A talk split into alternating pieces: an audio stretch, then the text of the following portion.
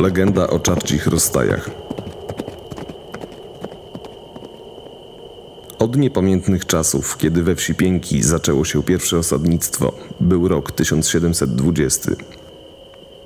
Za wsią krzyżowały się drogi, które później nazywano czarcimi rozstajami.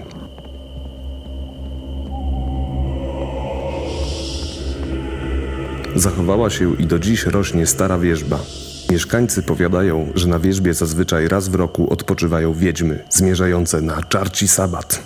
Odbywa się to przeważnie w czerwcu, kiedy dzień jest najdłuższy, a noc najkrótsza. Wówczas swoje chwile odpoczynku wiedźmy spędzają na wierzbie, która rozłożyła swoje konary, niczym pogański ołtarz. Przejeżdżający w tym czasie podróżni są narażeni na niebezpieczeństwo. Konie stają dęba i uciekają w popłochu. Zazwyczaj tratują wszystko i wszystkich. Od roku 1720 do czasów obecnych w kronikach historycznych odnotowano 12 wypadków na czarcich rozstajach, co miało bezpośredni wpływ na powstanie legendy. Mieszkańcy wsi, kiedy jest księżyc w Nowiu, nigdy nie wybierają się w podróż w kierunku czarcich rozstajów.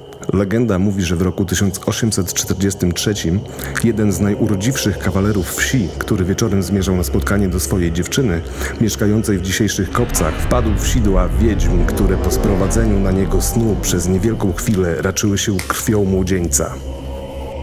Znaleziono go martwego na skraju lasu, niedaleko czarcich rozstajów.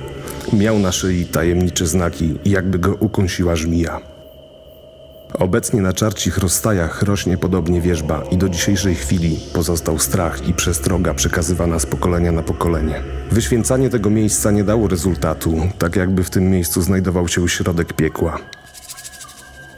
Legenda została spisana z bezpośredniego przekazu mieszkańca wsi. Opracował Ryszard Worobiej.